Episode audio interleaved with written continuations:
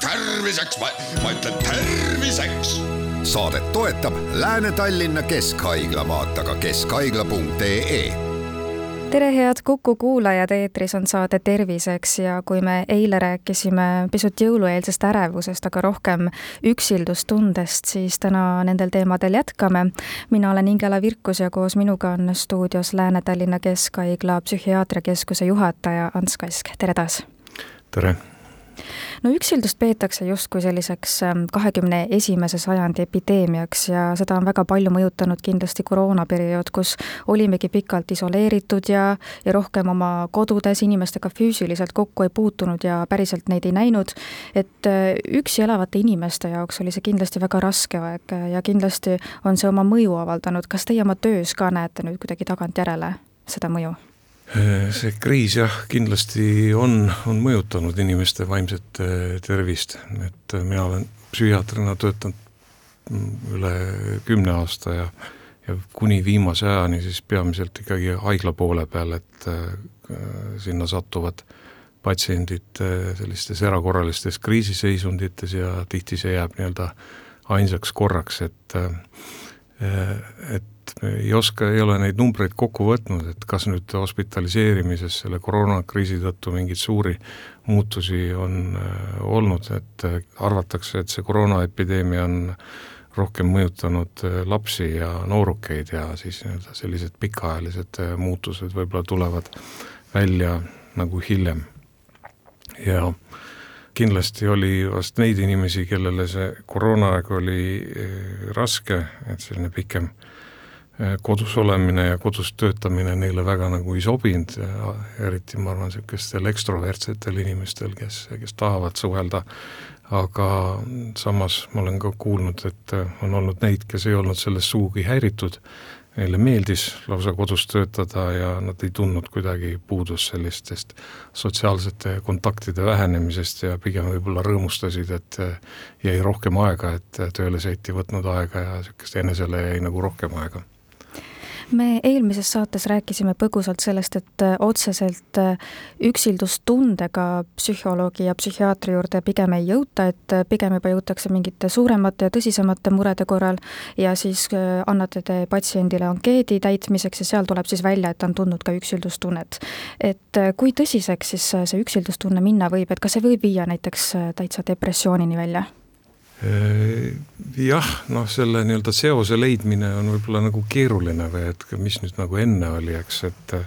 et selline pidev üksildustunne kindlasti võib mõjutada psüühika toimimist ja äh, paljud nii-öelda psüühikahäired, äh, millega kaasab selline talumatu üksildustunne, on ka nii-öelda ajas süvenevad ja muutuvad nii-öelda raskemaks, et sellest nii-öelda kergest depressioonist saab mõõdukas ja, ja raske võib-olla ühel hetkel. ja see üksildus nii-öelda muutub nagu talumatuks. ja, ja talumatu võib-olla on ta nagu seepärast, et inimesel on nagu raske kohaneda selle äh, füüsilise ja sotsiaalse nagu eras-, eraldatusega, et mõnes mõttes see on nagu paratamatu ja selline üksildustunne on võib-olla ka selline loomulik osa meie sellisest äh, psüühilisest reaalsusest, millega äh, tulebki nagu kohaneda ja noh, inimeste võime on võib-olla ka nii-öelda nagu erinev, et äh, mis selle üksildustunde talumatuks muudab, ongi võib-olla see nii-öelda ootus, et äh, kõiki meie vajadusi on võimalik rahuldada ja me noh, ei suuda nagu leppida sellega, kui see nii ei ole. ja noh, ütleme ise, ise arvan seda, et võib-olla see üksildustunne nüüd nagu depressiooni äh, täiskasvanu eas nagu ei tekita et palju äh, arengupsühholoogias nagu räägitakse sellest, et äh, paljud sellised täiskasvanueas esinevad äh, haigusjuhud, mida nagu vaadeldakse esmakordsena, on tegelikult kunagi varem ja sellises üsna varajases arenguetapis toimunud nagu haiguslaadsete seisundite võimendatud kordused ehk siis selline nii-öelda esmane depressiooni episood ei ole kunagi tegelikult päris selline esmane episood, vaid äh, selle nii-öelda varases arengus esinenud depressioonilaadse seisundi võimendatud kordus. Ja, ja see nii-öelda depressiivne, täiskasvanuna on seda depressiooni lapsena ka kunagi nii-öelda kogenud, kui tema nii-öelda vajadused ei ole äh, rahuldatud olnud ja see on nagu kinnistanud sellise tundmuse, et see üksindus on alati nii-öelda negatiivse nagu varjundiga, et äh, ilmselt noh, kõik lapsena me ju kogeme seda üksindust nii-öelda ühel hetkel, aga nagu oluline on see, et äh, sellest nii-öelda tundest me saaks kuidagi üle või et me nagu kellegi abiga pakime ennast äh, uuesti kokku ja see nagu võimaldab meile selle nii-öelda elu sisse puhuda kuidas siis iseennast aidata, et kui äh, kohe-kohe on ka jõulud, me rääkisime eelmises saates sellest, et paraku paljud veedavad ka jõulud täiesti üksinda,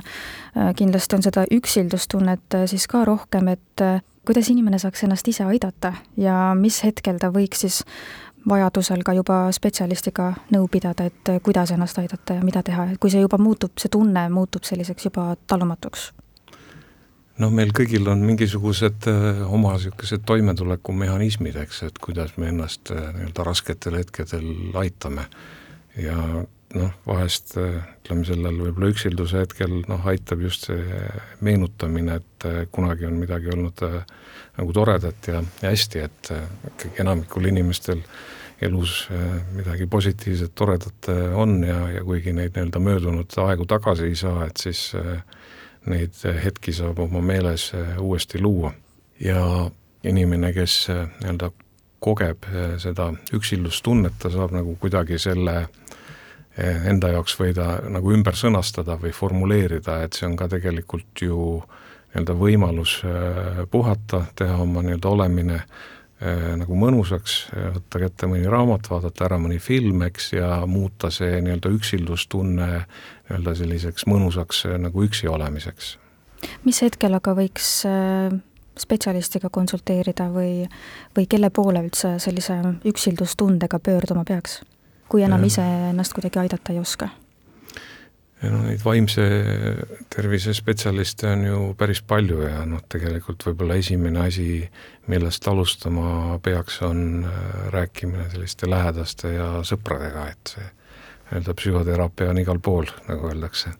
kättesaadav, eks, aga et ei oska alati võib-olla seda võimalust nagu kasutada ja ei oska ka nagu lähedasi abistada, et niisuguste lihtsate asjadega. ja noh, kui see on niisugune tõsisem asi, et, et siis jah, kas saab alustada mõnest psühholoogist, psühhoterapeudist, rääkida perearstiga, et kes siis nii-öelda diagnoosib depressiooni ja vajadusel siis äh, suunab inimese edasi psühhiaatrile. kuidas aga ise märgata neid inimesi, kes tunnevad ennast üksildaselt, et äh, kuidas näiteks kolleegina või äh, pereliikmena või sõbrana märgata seda üksildast inimest? Ja mida siis talle öelda või, või kuidas talle üldse toeks olla? noh, tegelikult peaks ju märkama neid nagu kogu aeg ja ega neile tihtipeale midagi muud ei olegi kui vaja, sellist eh, nii-öelda sõbralikku pilku ja, ja naeratust ja see pühade aeg nüüd on ka natuke osadele inimestele veidi keerulisem, et nad tunnevad ennast üksildasena ja pühad ei meeldi neile, et äh,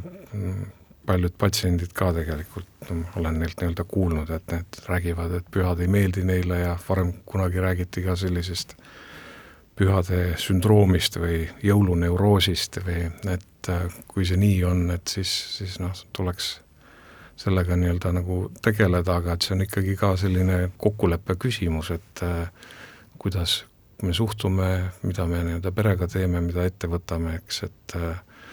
pühade suhtes kindlasti on tundlikumad need äh, inimesed, kellel puuduvad sellised emotsionaalsed sidemed või on raske neid nagu luua ja, ja neil on ka vahel raske teistelt inimestelt nagu asju äh, vastu võtta, et, äh, et selle nii-öelda märkamise puhul peab ka nagu nii-öelda tundlik olema, et me ei saa nagu pealetükkivad olema, olla ja nagu võimendada neid asju, aga mõned sellised nii-öelda lihtsad asjad ikka on, mida, mida me saame teha üks asi on siis see, kui inimene tunneb ennast jõulude või pühade ajal äh, üksinda ja üksildaselt, aga teistpidi võib äh, teistel tekkida jälle selline jõulueelne ärevus seoses kingituste ja jõululaua korraldamisega, et miks see tekib, mis inimestes seda provotseerib? noh, jõulud toovad ju kaasa mingisuguse rea nagu sotsiaalseid ootusi või et jõulud tekitavad sellise tunde, et me peame nüüd kinke tegema ja katma uhke jõululaua ja noh, samas osadel ei ole kellelegi seda jõululauda katta või neid kinke teha ja või ei ole selleks võimalusi ja sealt tuleb ka selline nii-öelda ärevus, eks, aga selle ärevuse tegelikult on tekitanud need meie sotsiaalse keskkonna nii-öelda normid, milles siis vormuvad sellised inimese ootused iseendale. ja võib-olla selline psühhiaatri poole pealt noh, näen ka, et on selliseid nii-öelda olukordi, kus inimestel on küll nagu lähedaselt olemas aga nendega vältimist, nagu välditakse seda suhtlemist ja tihtipeale seal taustal on sellised nii-öelda negatiivsed minevikukogemused või selline emotsionaalne ja füüsiline väärkohtlemine ja asjad, millest nagu ei ole võimalik kunagi olnud rääkida, et nendel siis inimestel tekib see ärevus tegelikult nagu teistel põhjustel, et need on lahendamata nagu konfliktid, mis tekitavad seda, mis provotseerivad seda lõpetuseks, kuidas seda kõike siis ära hoida, seda negatiivset äh, tunnet, negatiivset emotsiooni äh, pühade ajal, et äh,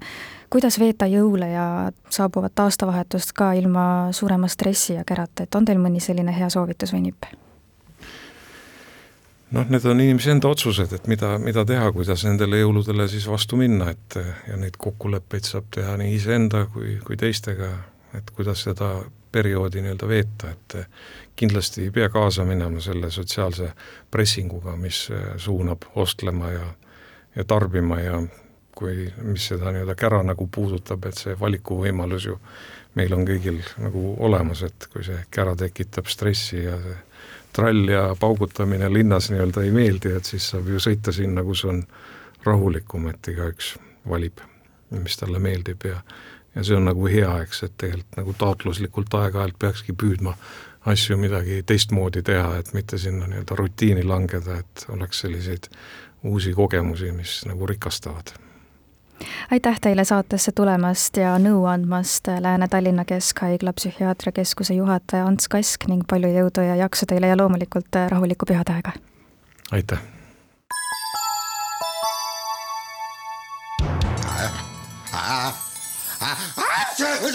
terviseks, ma ütlen terviseks. saadet toetab Lääne-Tallinna Keskhaigla, vaata ka keskhaigla.ee